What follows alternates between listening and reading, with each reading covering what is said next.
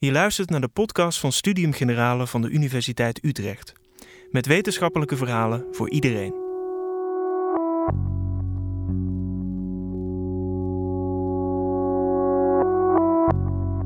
We denken dat wetenschappers zich met harde feiten bezighouden. Maar is dat wel zo? De in 2023 overleden filosoof Bruno Latour vond dat daar weinig van klopt. Volgens critici ondermijnde Latour met zijn beweringen het gezag van de wetenschap. En heeft hij er indirect aan bijgedragen dat complotdenkers en klimaatontkenners het inmiddels tot president kunnen schoppen. Is deze kritiek terecht?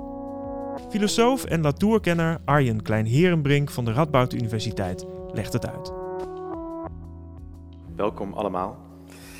Vanavond ga ik mijn best doen om uit te leggen waarom wetenschappers zich volgens Bruno Latour te vaak laten gijzelen door hun vijanden.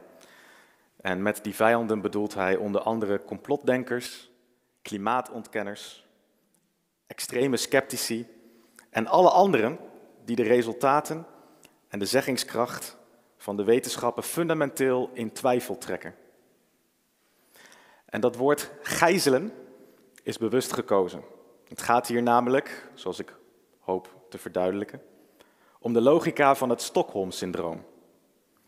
Het Stockholm-syndroom is, zoals bekend, een traumaband waarin een slachtoffer sympathie ontwikkelt voor een dader. En die sympathie kan er onder andere toe leiden dat het slachtoffer zichzelf gaat definiëren zoals de dader dat doet. En daarbij blind wordt voor hoe die definitie onwaar en bovendien schadelijk is. Dus onder de titel van deze reeks Gelooft u het zelf?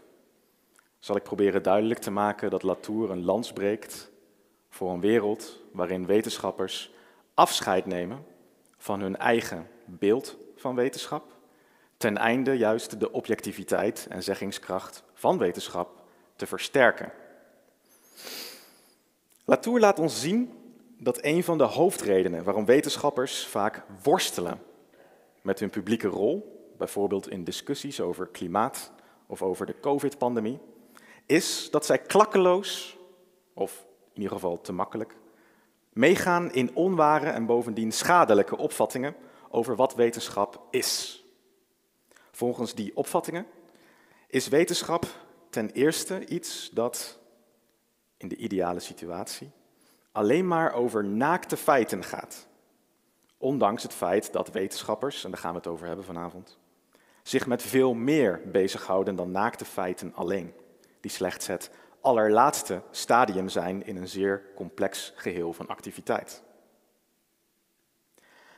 En ten tweede is wetenschap volgens die opvattingen iets dat waardenvrij moet zijn en dus nooit een normatief aspect mag hebben. Ondanks het feit dat veel wetenschap ons waarschuwt voor het overschrijden van grenzen in de kwetsbare wereld om ons heen en daarmee dus per definitie een normatief aspect heeft. Alleen, mijn voornemen om iets over die gijzeling uit te leggen wordt flink bemoeilijkt doordat velen juist Latour als een vijand van de wetenschap zien. In de afgelopen jaren heeft u wellicht her en der gemerkt dat zogenaamd postmoderne filosofen met enige regelmaat de schuld krijgen van het toenemende wantrouwen in wetenschap. De postmoderne filosofen zouden verkondigen dat waarheid en feiten niet bestaan, dat alle interpretaties evenveel waard zijn, dat alles in de wereld slechts een spel van machtsverhoudingen is, dat autoriteit synoniem is aan onderdrukking, per definitie, en dat wetenschap slechts een verhaal is naast andere verhalen. En met dit soort ideeën zouden de postmodernen een weg hebben gebaand voor de wereld van alternatieve feiten en nepnieuws. Wat overigens natuurlijk niet kan kloppen, want zelfs de meest postmoderne filosofie verkoopt niet zoals een Dan Brown bestseller. Maar bon. Latour wordt vaak tot die postmoderne filosoof gerekend. Dat is onterecht, maar het is wel zijn eigen schuld. Een beruchte stelling van Latour luidt namelijk dat Louis Pasteur in de 19e eeuw niet de ontdekker van micro-organismen was, of microben zoals die toen nog heten, en zoals je het in de geschiedenisboeken kan lezen. Niet de ontdekker, maar de producent ervan. Pasteur maakte volgens Latour in zijn laboratorium de micro-organismen, in plaats van dat Pasteur slechts in beeld bracht wat er voor hem altijd al werkzaam was geweest in het bakken van brood, in het stoken van alcohol enzovoort. Een andere beruchte stelling van Latour gaat over hoe een team van Franse artsen in 1956 constateerde dat farao Ramses II in de Egyptische oudheid aan tuberculose had geleden.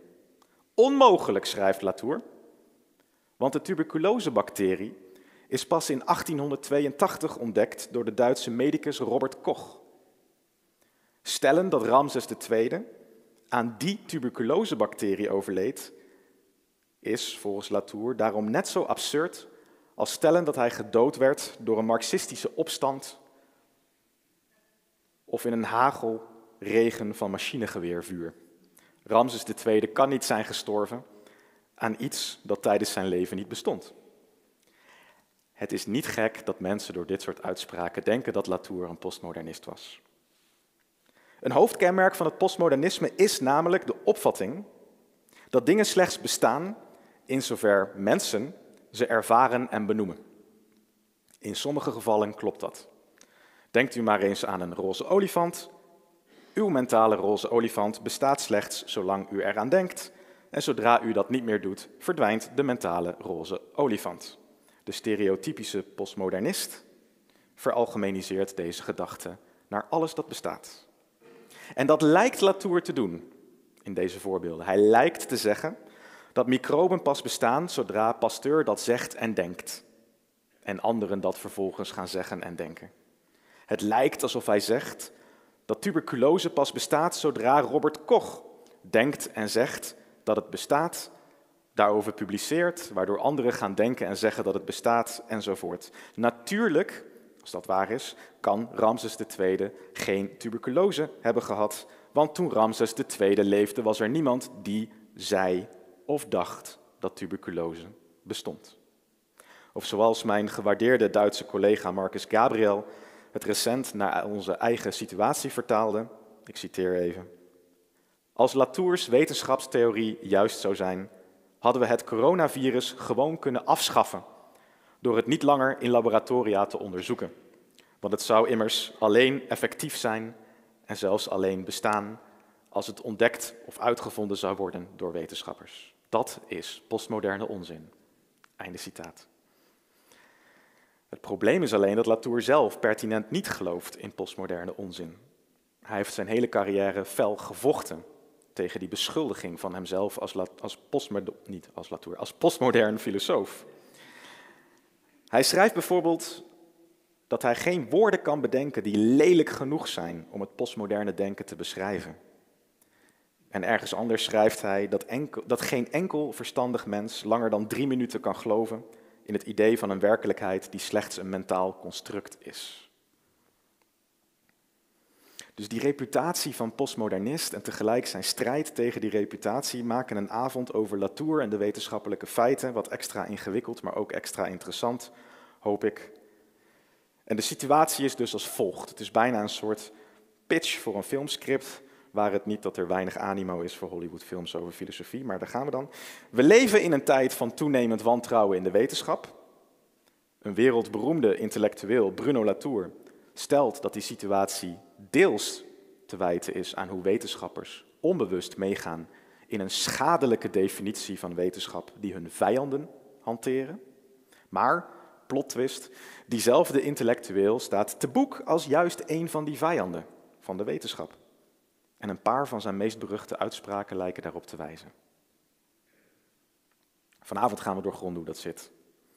En zoals beloofd zal ik uiteindelijk uitkomen bij die gijzeling van wetenschappers door hun vijanden. Dat blijft het doel. Maar om dat goed te begrijpen moeten we eerst leren waarom Latour ten onrechte voor postmodernist wordt versleten. En om dat te begrijpen moet er iets gezegd worden over Latours eigen revolutionaire aanpak van wetenschapsfilosofisch onderzoek. Dus onderzoek naar hoe wetenschappelijke kennis vergaard wordt en wat uiteindelijk de naam wetenschappelijke kennis verdient. En dat geeft me vanavond dus drie onderdelen, waarbij we voor die eerste beginnen in de jaren 70 van de vorige eeuw. En Latour heeft toen iets totaal nieuws gedaan.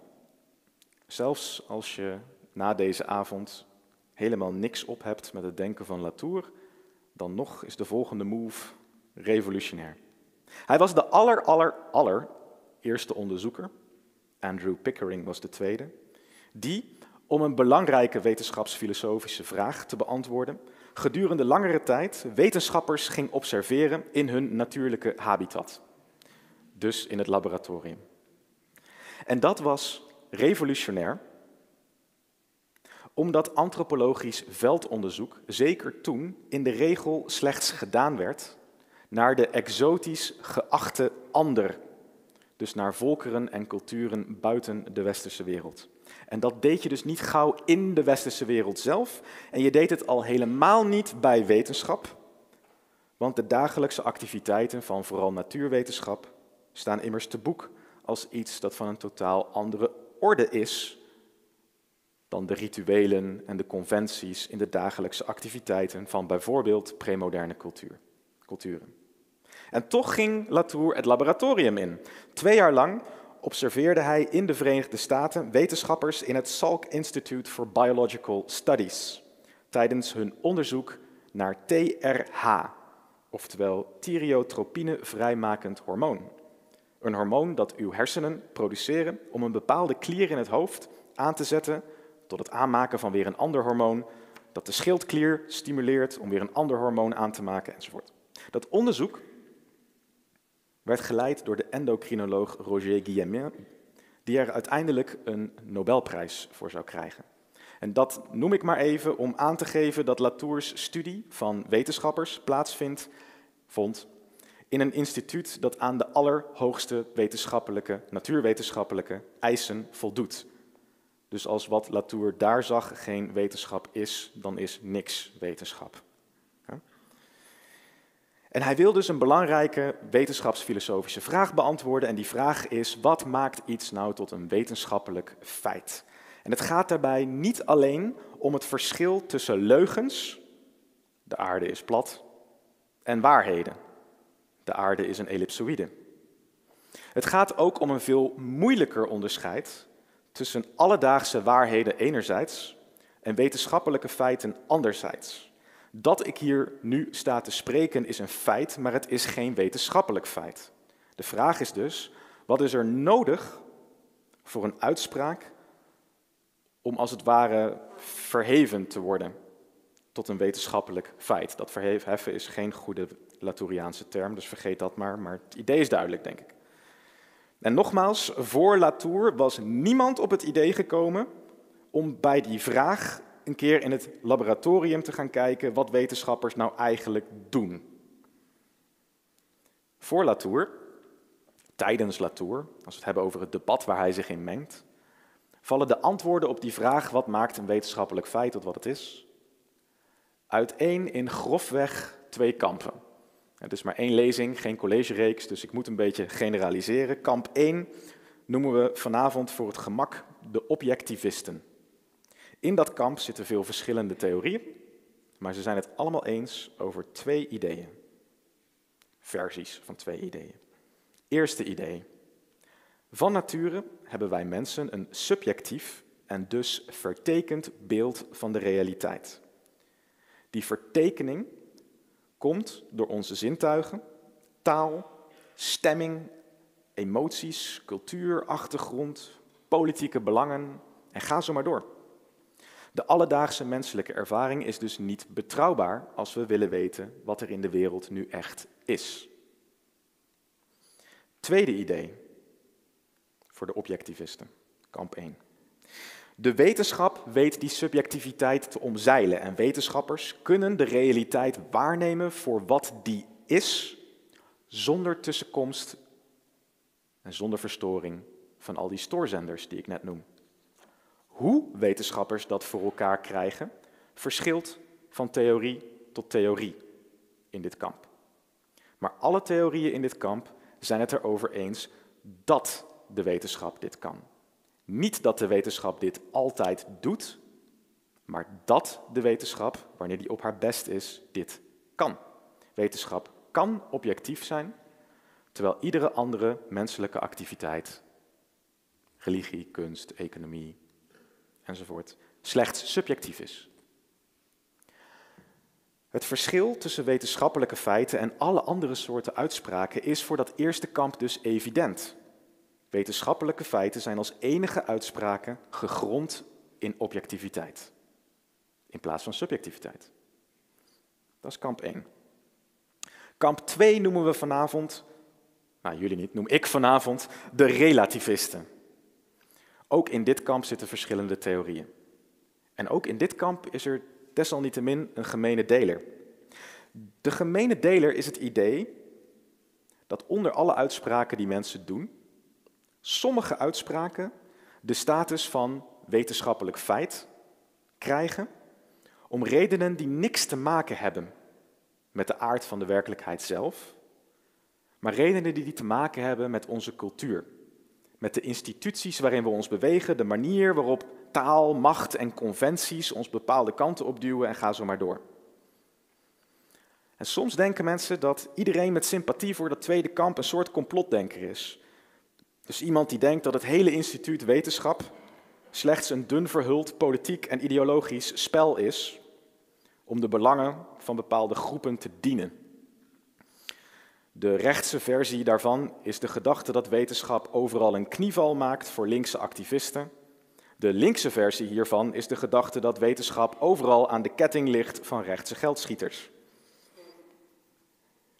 Ik ben een onderwijscoördinator en het is vooral verwarrend als je over hetzelfde stuk in je curriculum of je onderzoek tegelijk beschuldigd wordt door allebei de kanten. Het kamp van de relativisten heeft echter heus wel wat meer vlees op het bot. Dus laat me daar in het kader van de eerlijkheid wat meer over zeggen. De sterkste vorm van de relativistische positie stelt dat bepaalde uitspraken als wetenschappelijke feiten worden aangemerkt, omdat ze heel erg goed aansluiten bij een reeds bestaand corpus van theorieën en methoden die ook al als wetenschappelijk zijn aangemerkt. En in een volgende stap gaat de wetenschap dan apparatuur bouwen in het licht van die feiten om te zoeken naar waarnemingen die daarmee stroken. Neem bijvoorbeeld het Higgs-boson. Dit elementaire deeltje werd voor het eerst beschreven in 1964. Niet omdat het was geobserveerd, dat gebeurde pas in 2012, maar omdat men zich besefte dat het wel moest bestaan om het reeds bestaande standaardmodel van de deeltjesfysica te laten kloppen. Men ontwikkelde dus eerst een theorie in het licht van niet de werkelijkheid, maar bestaande theorie. En ging vervolgens apparaten bouwen die erop geënt waren om precies die entiteit die de theorie benoemt aan te treffen. Een andere theorie, zo zal de relativist het misschien stellen, had de wereld op een andere manier ingedeeld en had zo andere apparaten gecreëerd, geleid tot andere apparaten, die ons andere entiteiten lieten zien. Ongeveer zoals de kleur van de wereld voor iemand die een bril draagt afhankelijk is van de eerdere keuze voor een specifieke tint brillenglazen. De relativistische positie in haar sterke vorm stelt dat wetenschap vrijwel altijd in die volgorde werkt. Eerst ontwikkelen we theorieën en feiten in het licht van bestaande kennis en vervolgens gaan we de wereld zien in het licht van die kennis. Of zoals de bekende Britse wetenschapssocioloog Harry Collins stelt, het is Citaat, het is niet de regelmaat van de wereld die zich opdringt aan onze zintuigen, maar de regelmaat van onze geïnstitutionaliseerde overtuigingen die zich opdringt aan de wereld. Einde citaat. Dus, die, die tweestrijd, kamp 1, kamp 2, is de context waarin Latour dat antropologische labonderzoek begint. Enerzijds verklaringen die wetenschappelijke feiten duiden in termen van een soort correspondentie met de natuur. Anderzijds verklaringen die wetenschappelijke feiten op deze of gene wijze duiden in termen van culturele effecten. En de vraag was dus, om daar even bij terug te komen, wat maakt uitspraken over TRH, dus over dat hormoon, nou tot wetenschappelijke feiten? En na twee jaar observaties publiceert Latour daar samen met Stephen Woolgar het boek Laboratory Life over. In dat boek laten ze op overtuigende wijze zien dat een werkende wetenschapper in een laboratorium eigenlijk helemaal nooit direct en ongemedieerd contact legt met zoiets als de natuur met een hoofdletter N. In het laboratorium zijn er geen momenten waarop de wetenschapper zich volledig losweekt van alle beperkingen van de wereld, van alle taal, van alle samples, van alle apparaten en ga zo maar door.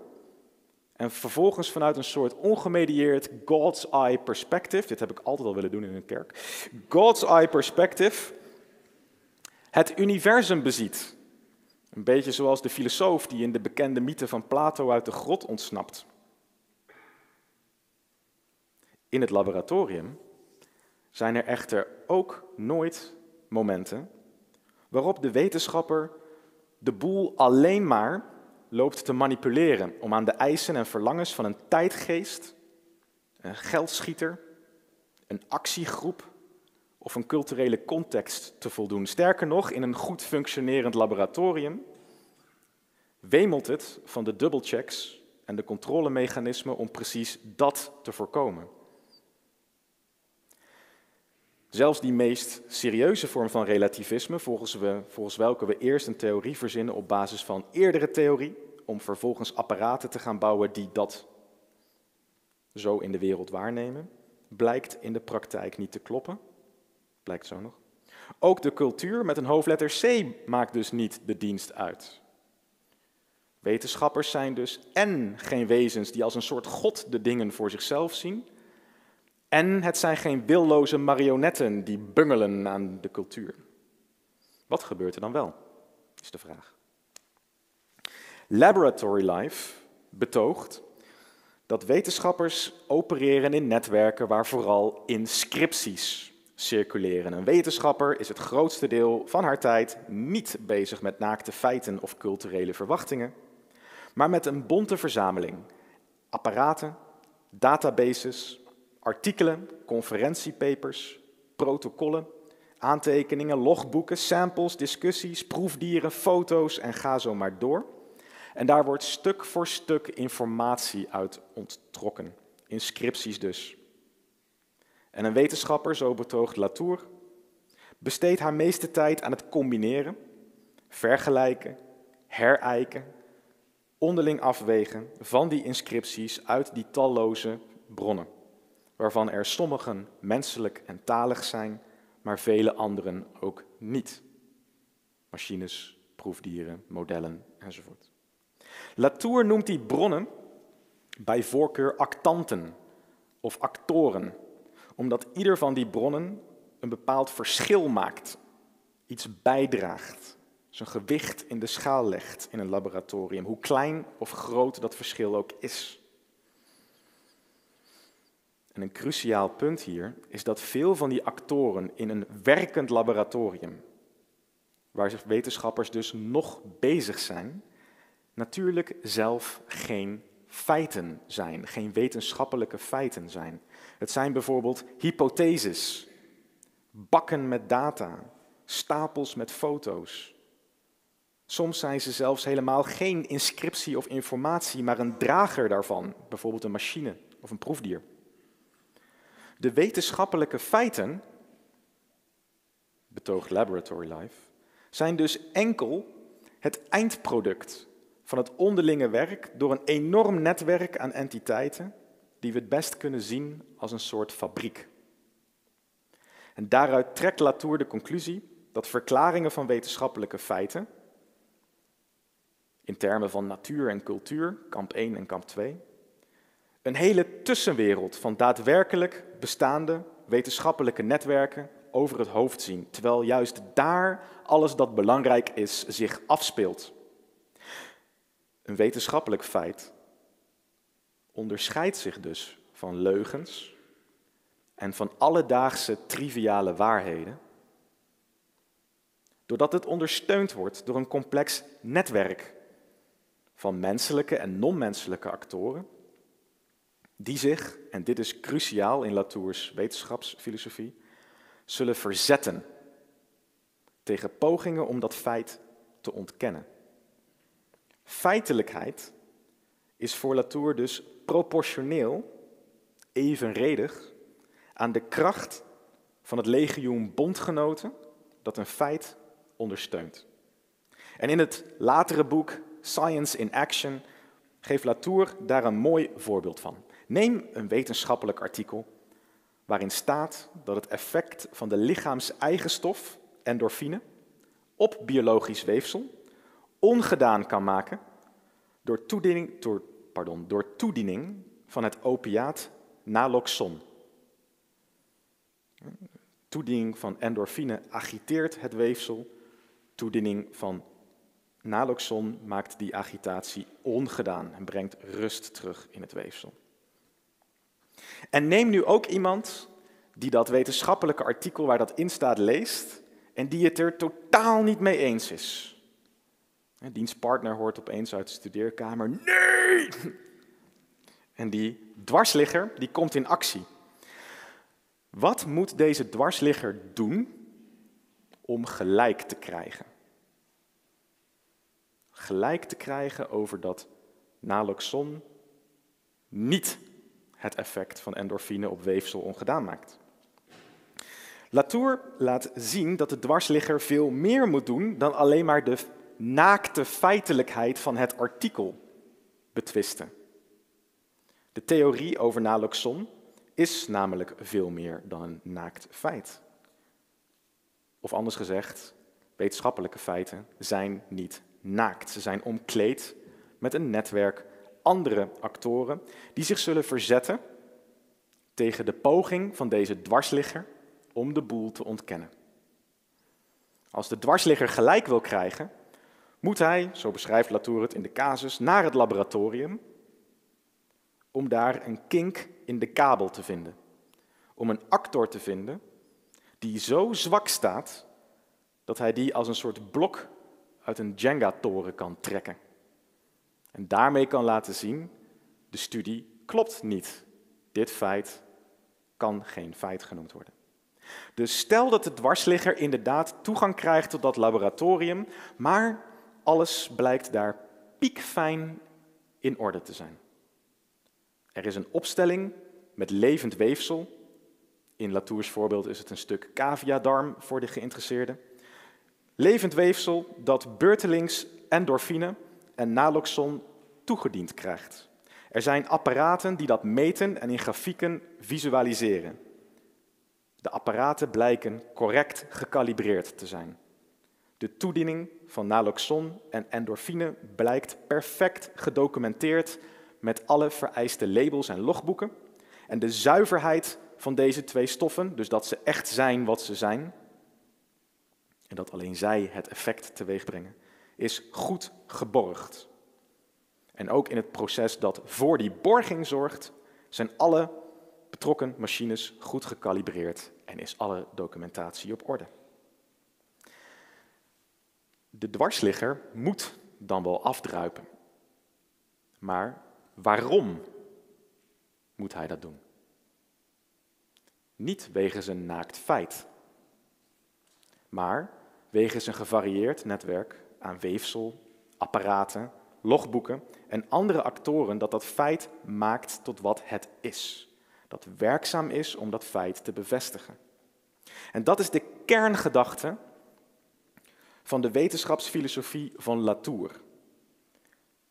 Namelijk dat het gros van de wetenschap, als het om de feiten gaat, niet functioneert zoals simpele geometrische waarheden. la de driehoeken van een driehoek zijn bij elkaar opgeteld altijd 180 graden. Dus het is een feit dat als je de twee hoeken weet, je de derde altijd makkelijk kan uitrekenen. Dat is een waarheid waarvoor je geen netwerk van actoren nodig hebt die het ondersteunen, die het kracht geven. Dat kun je deduceren, min of meer. Maar het gros van de wetenschap, het gros van onze wetenschappelijke feiten, wordt ondersteund, wordt feitelijk gehouden door het soort netwerken uit het voorbeeld dat ik net gaf. En dat is de eerste stap in de redenering van vanavond. De tweede stap gaat over hoe we met dit in het achterhoofd goed kunnen begrijpen waarom Latour ten onrechte voor een postmodern denker wordt aangezien. Latour zegt namelijk niet dat menselijke belangen, sociale contexten of bestaande instituties de feiten produceren. Dat is een veel te reductionistische interpretatie van deze actor-netwerktheorie. De wetenschappelijke netwerken waarin feiten worden geproduceerd bevatten pardon, namelijk ook talloze non-menselijke en niet-culturele actoren, waaronder bijvoorbeeld de naloxon, de endorfine, het organische weefsel, en ga zo maar door, in de net besproken casus.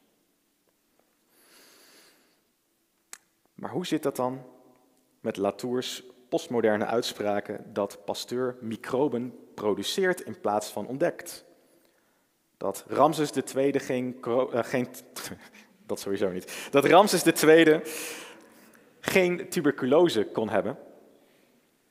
En met Marcus Gabriels opmerking dat het coronavirus volgens Latour zou moeten verdwijnen als we het niet meer bestuderen. Wel, een gevolg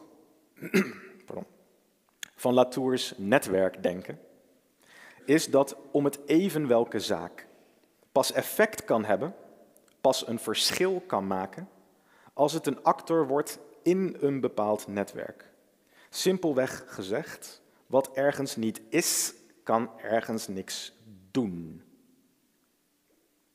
Voor Pasteur was er natuurlijk wel iets dat ziektes verwekte, dat bijdroeg aan de productie van bier, dat een rol speelde in het bakken van brood.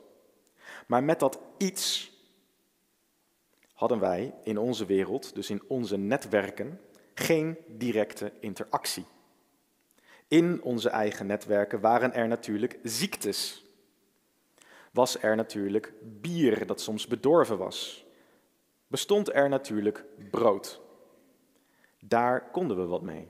Maar pas zodra Pasteur de microben zichtbaar maakt in petrischalen, manipuleerbaar maakt in een laboratorium en verwerkt, niet alleen Pasteur, maar ook Pasteurianen, en verwerkt in vaccins en serums, pas daarmee werden ook microben direct en niet alleen hun effecten gemaakt tot daadwerkelijk aanwezige actoren in onze netwerken. En microben blijven dat enkel in die mate dat netwerken van menselijke en non-menselijke actoren dat zo houden. Er kan een dag komen waarop we zoveel apparatuur, kennis en technologie kwijtraken, kwijt zijn geraakt, dat microben uit onze netwerken verdwijnen. We zullen dan wederom wel te maken hebben met wat die microben produceren, zieke mensen, goed of slecht gerezen brood, al dan niet bedorven melk, maar niet met die microben zelf. Hetzelfde geldt voor de farao Ramses.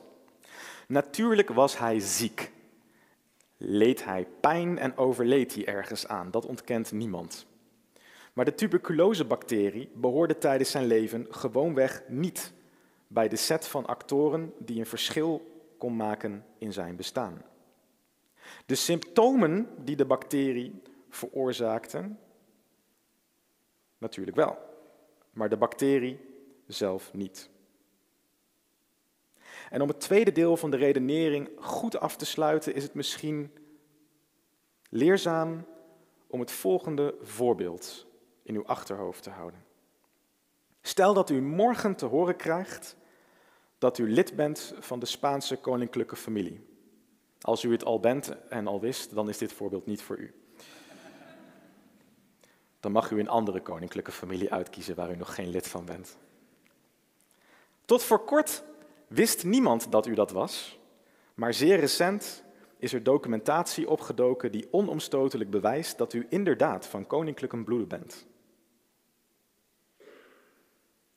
U bent dat dan natuurlijk uw hele leven al geweest, niet vanaf morgen. Vanaf uw geboorte was u al lid van de Spaanse koninklijke familie. En u zult vanaf uw geboorte natuurlijk al allerlei erfelijke eigenschappen uit die bloedlijn hebben gehad. En die eigenschappen zullen uw hele leven al een bepaald verschil hebben gemaakt in uw bestaan. Desalniettemin zal uw lidmaatschap van de Spaanse koninklijke familie pas vanaf morgen een rol spelen in uw leven. Pas vanaf morgen zal u uw hele leven al bij de Spaanse koninklijke familie hebben gehoord. En dat is vanaf morgen geen postmodern verzinsel. Want hypothetisch is er onomstotelijk bewijs en zal een eventuele DNA-test het ook nog eens bevestigen. En toch kan uw feitelijke lidmaatschap van de koninklijke familie van Spanje pas vanaf morgen een rol spelen in uw leven. Dus pas vanaf het moment dat andere actoren, ik stel me voor dat er een soort limousine met een butler voor je huis stopt enzovoort, vanaf het moment dat een andere actor dat feit aan u verbindt. Volgens diezelfde logica kan Ramses pas vanaf 1956 altijd al tuberculose hebben gehad. U kunt, als dit morgen gebeurt, tien jaar geleden niet nog plezier hebben gehad, nog geleden onder het feit dat u lid was van de Spaanse koninklijke familie. Om dezelfde reden kan Ramses II duizenden jaren geleden niet geleden hebben onder het feit dat hij tuberculose had. Hij zal wel geleden kunnen hebben onder het feit dat hij allerlei pijn had enzovoort, maar niet onder het feit dat hij tuberculose had. Om dezelfde reden dat u in het voorbeeld tien jaar geleden heus wel geleden kan hebben onder allerlei erfelijke zaken die u meeneemt uit de bloedlijn van de Spaanse koninklijke familie. Maar pas vanaf morgen kunt u ook lijden of plezier hebben aan het feit dat u bij die familie hoort. Dus om op Marcus Gabriels opmerking in te gaan, pas vanaf het moment dat virologen het coronavirus zelf in kaart brengen, hebben we een actor die verbonden is met onze netwerken. Voor dat moment hebben we slechts een set symptomen. Stoppen met het bestuderen van het virus laat natuurlijk die symptomen niet verdwijnen. Die gedachte is onzin. Maar het niet bestuderen van het virus zou wel hebben betekend dat we nooit grip hadden gekregen om het feit dat het om dit specifieke virus met deze specifieke moleculaire eigenschappen gaat. Of in andere woorden, als we geen onderzoek hadden gedaan, als men geen onderzoek had gehad naar wat het coronavirus is, dan hadden we nog steeds een pandemie gehad. Maar dan was de wereld natuurlijk anders in elkaar gaan steken. Dus zonder kennis op microbiologisch niveau hadden er een heleboel dingen niet kunnen gebeuren en hadden we nu niet in een wereld geleefd met bijvoorbeeld vaccins. En met die zaken in het achterhoofd ga ik verder naar het derde en laatste onderdeel van de redenering, namelijk, zoals beloofd, die mate waarin moderne wetenschappers zich volgens Latour laten gijzelen door incorrecte gedachten over wat wetenschap is. En die gijzeling draait om twee wetenschappelijke idealen. Ten eerste het ideaal van naakte feiten en ten tweede het ideaal van waardenvrije wetenschap. Het ideaal van de naakte waarheid stelt, aldus Latour, dat de wetenschap op haar best enkel en alleen op feiten berust. En dat ideaal, ik stipte het net al aan, is ontleend aan de geometrie en aan eenvoudige wiskundige bewijzen, zoals we al sinds Socrates weten. Socrates stelt immers al dat de kennis van filosofen en vandaag de dag zouden we er wetenschappers aan toevoegen, net zo zeker en helder en universeel moet zijn als de kraakheldere waarheden van de geometrie. Dus waarheden zoals het feit dat de kortste afstand tussen twee punten op een vlak een rechte lijn is. Of, zoals ik al zei, dat de som van de hoeken van een driehoek altijd 180 graden is. Naakte feiten zijn aantrekkelijk omdat ze transparant zijn. Ze bieden geen ruimte voor bedrog of voor vooroordelen. Ze zijn duidelijk niet politiek. De fout van de moderne wetenschap, eerste fout, is volgens Latour echter dat dit ideaalbeeld van naakte feiten, dat dus slechts in zeer zeldzame gevallen waargemaakt kan worden, in de publieke perceptie en in het zelfbeeld van wetenschappers is uitgegroeid tot een norm voor alle wetenschap. En daarom is het clichébeeld, al dus Latour, nog steeds een wetenschapper als persoon in een witte jas die enkel en alleen waarheden mededeelt. De wetenschapper als een persoon die non-wetenschappers op diens woord moeten geloven, als een persoon die spreekt met autoriteit. Dus het beeld van een wetenschapper met naakte feiten. En daarmee dus automatisch niet het beeld van een wetenschapper aan het werk in een laboratorium, omringd door hypothesen, databases, onzekerheden, apparaten, controverses, proefdieren, essays en talloze andere kwetsbaarheden die broodnodig zijn voor de productie van feiten. En volgens Latour houden wetenschappers al die elementen die echt toebehoren aan wetenschap het liefst buiten beeld, omdat ze bang zijn dat als je dat hele apparaat laat zien, dat je dan ervan beschuldigd kan worden dat je feiten aan het fabriceren bent. In die hele fabriek met al die apparaten. Want een laboratorium is immers een plek vol productieprocessen. En als je dat laat zien, dan maak je jezelf kwetsbaar voor sceptici die zeggen: Maar ho eens even, u doet alsof u naakte feiten presenteert, alsof u de waarheid in pacht heeft, maar eigenlijk worden uw uitspraken alleen maar, alleen maar ondersteund door allerlei modelletjes, databases en opstellingen die je zelf verzonnen hebt. Dat zijn geen zuivere feiten, dat is een bijeengeraapt zooitje. En de scepticus die dat zegt, hanteert met die kritiek het klassieke Platoonse ideaal dat iets slecht als kennis mag gelden, als het volledig losgezongen is van de rest van de wereld. Als het 100% vaststaat, als het gededuceerd kan worden zonder hulpmiddelen, als het eeuwig en universeel is, om zo de kans op vertekening en fouten nihil te maken. De fout van moderne wetenschap, dus het eerste aspect van de gijzeling, is dat wetenschappers te vaak meegaan in dat beeld van wetenschap. Ook zij denken te vaak dat hun werk eigenlijk op zijn best zuiver platonisch moet zijn, zonder de medierende werking van software, kansberekening, apparatuur en samples. En daarom verhullen wetenschappers dus de kwetsbare, heterogene en dynamische ketens van actoren waar hun werk feitelijk uit bestaat. En dat heeft allerlei negatieve gevolgen, schrijft Latour. Het grootste probleem kennen we allemaal wel uit de media. Bijvoorbeeld een klimaatwetenschapper wordt dan tegenover een klimaatskepticus gezet. In een omgeving waarin het lijkt alsof het gewoon het woord van de een tegen het woord van de ander is. De wetenschapper doet uitingen en zweert dat het de waarheid is. De scepticus doet, de scepticus doet uitingen en zweert ook dat het de waarheid is. En voor het publiek lijkt het dan alsof de krachtverhouding ongeveer 50-50 is. Alsof de werkelijke stand van zaken in de wetenschap er een van onzekerheid is tussen twee kampen die ongeveer evenveel aanhangers hebben. Want in de media heb je alleen die woorden en de beloftes dat ze naakte feiten zijn. Dat is natuurlijk niet zo, dat is niet de werkelijke stand van zaken, maar hoe wij in media omgaan met wetenschap is bijzonder ongeschikt om de dynamiek, de omvang en de robuustheid van de netwerken van de wetenschap goed in beeld te brengen. Als we dat goed zouden doen, dan zou iedereen direct zien dat de situatie van de wetenschapper tegenover de scepticus in dit voorbeeld geen strijd tussen gelijken is.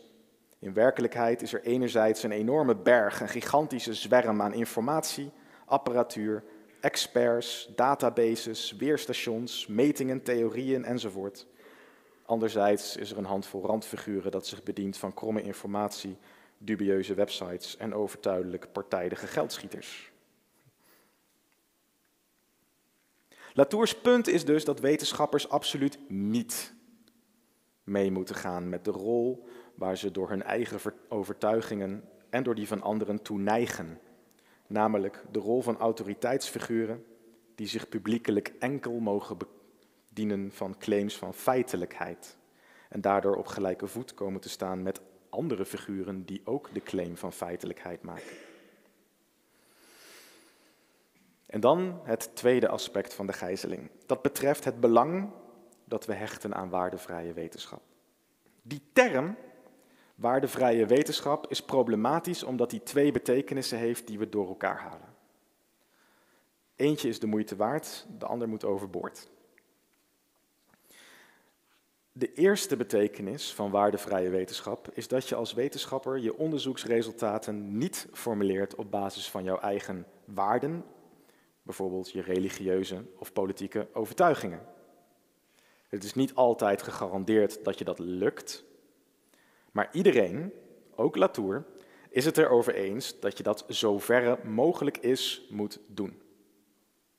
Die betekenis van waardevrije wetenschap staat dus niet ter discussie in Latouriaanse wetenschapsfilosofie. De tweede betekenis is wel problematisch.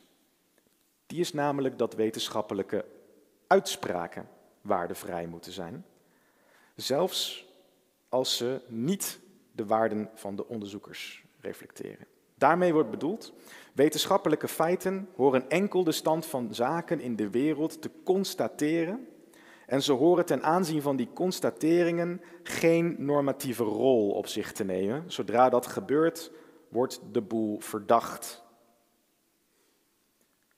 Dus wat betreft normativiteit en hoe we moeten handelen naar wetenschappelijke feiten, hebben veel moderne wetenschappers, claimt Latour, zichzelf getraind om op dat punt te zeggen: hier ga ik niet over, dat is een politieke vraag.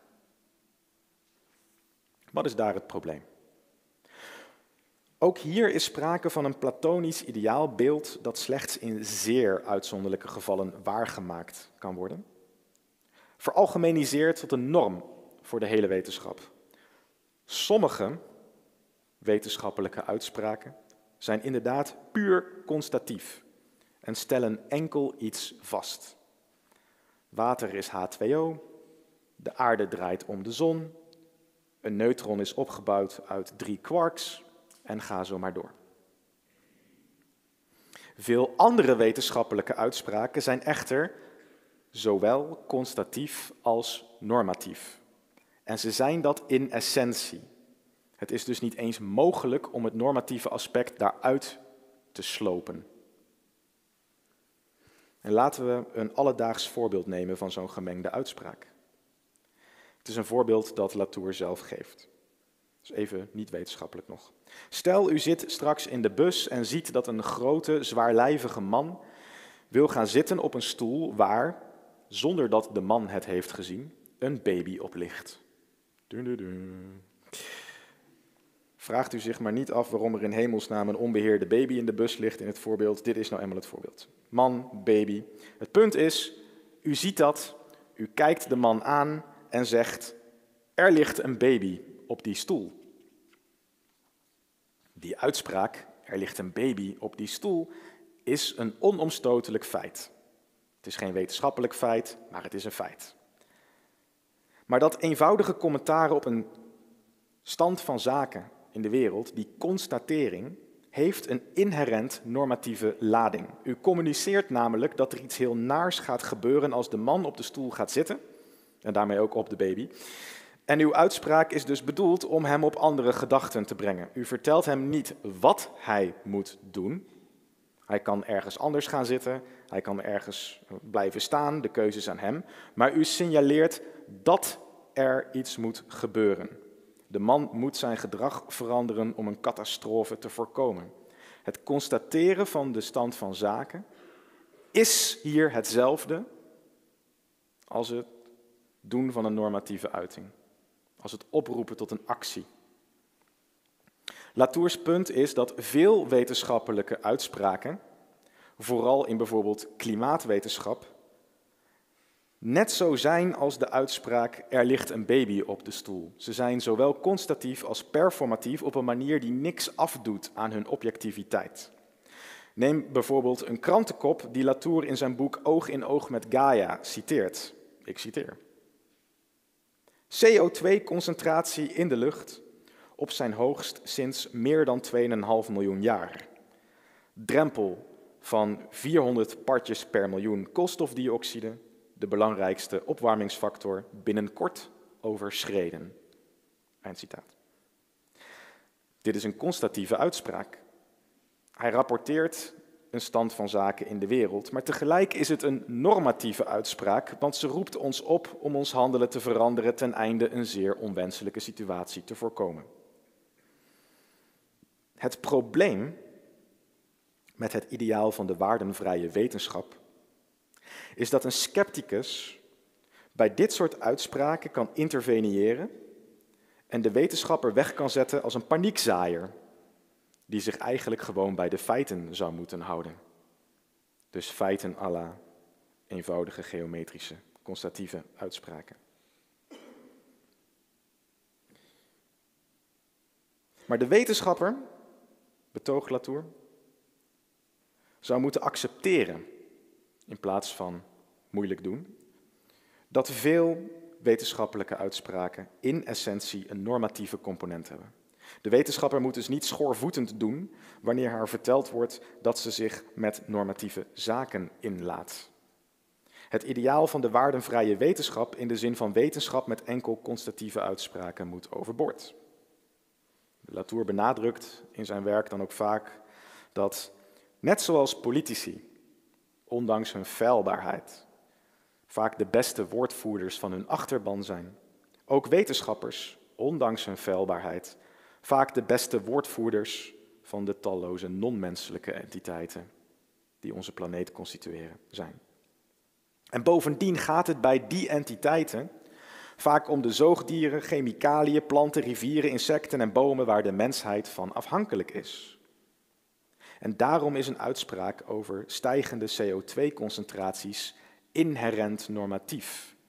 Ze is van inherent belang voor onze toekomst. Niet omdat de wetenschap een sociaal construct zou zijn op de manier dat een postmoderniste dat bedoelt, maar omdat wetenschap in dit geval gaat over zaken waar wij van afhankelijk zijn en over zaken, over standen van zaken die wij mede produceren in de wereld. Dus geen simpele, volledige, transparante en neutrale geometrische deducties die niet van ons afhangen, Hoeveel graden de driehoeken van een driehoek samen zijn, hangt niet af van een mens. Maar entiteiten waar wij daadwerkelijk enige invloed hebben, op hebben en die vervolgens invloed hebben op ons. Dus wanneer bijvoorbeeld klimaatwetenschappers hun bevindingen delen met de wereld, gaat het om informatie die van cruciaal belang is voor ons allemaal. En niemand zou daarbij de eis moeten stellen dat er dus geen normatieve lading aan zulke uitspraken zou moeten zitten. Kortom, als het gaat om Latour en de wetenschappelijke feiten, dan leert zijn werk ons onder andere het volgende. Want dit was een beetje het topje van de ijsberg vanavond. Ten eerste, het is veel te reductionistisch, veel te naïef en ook nog eens pertinent onwaar om te denken dat wetenschap zich enkel inlaat met natuur met een hoofdletter N, dus met naakte feiten of dat wetenschap enkel een artefact is van cultuur met een hoofdletter C. Wie wetenschappers aan het werk observeert, zal merken dat de wereld van de wetenschap veel rijker, complexer en dynamischer is dan die reductionistische opvattingen toelaten. De wetenschappen bestaan uit talrijke netwerken waarin menselijke en non-menselijke actoren hun krachten bundelen om de feiten te maken tot wat ze zijn. Ten tweede, deze opvatting van wetenschap is niet postmodern. Het is niet de gedachte dat wetenschap gewoon maar even wordt verzonnen, dan wel onder de druk van tijdsgeest of van culturele context, of noem maar op. Het is veel accurater om de Latouriaanse wetenschapsopvatting van waarheid industrieel te noemen. Ja, wetenschap moet worden gemaakt, maar eenmaal gemaakte wetenschap is net zo reëel als het maar kan. Net zoals de realiteit van een auto of een gebouw robuuster is, een langer stand houdt naarmate de auto of het gebouw beter gebouwd is, zo is de robuustheid van wetenschappelijke feiten proportioneel aan de kwaliteit van hun productieproces, dus het netwerk van de actoren dat de feiten maakt tot wat ze zijn. Ten derde, de Latouriaanse blik op wetenschap ontmaskert twee idealen of is daarvoor bedoeld, die eigenlijk geen idealen zouden moeten zijn, omdat ze de wetenschap uiteindelijk meer kwaad dan goed doen. Het ideaal van de naakte feiten, de zuivere theorie die door niks in de wereld kan worden besmet, weerhoudt, volgens Latour, wetenschappers ervan om het volledige wetenschappelijke apparaat, dus hun daadwerkelijke netwerken, inclusief alles daarin dat geen feit is, te mobiliseren en en plein publiek te presenteren als de grondslag voor hun uitspraken. En het ideaal van de waarde vrijheid, van de wetenschap die enkel standen van zaken constateert en iedere normatieve uitspraak schuwt, is eveneens contraproductief. Sommige wetenschap is soms dermate extern aan menselijk wel en wee dat ze zonder normatieve componenten kan functioneren. Maar voor een groot deel van de wetenschappen, en klimaatwetenschap is daar een duidelijk voorbeeld van, geldt dat de uitspraken die eruit komen innig verbonden zijn met het lot van de mensheid. En precies daarom zou geen enkele wetenschapper zich moeten schamen als de feiten die ze produceert tegelijk een felle oproep tot actie zijn. Dank jullie wel.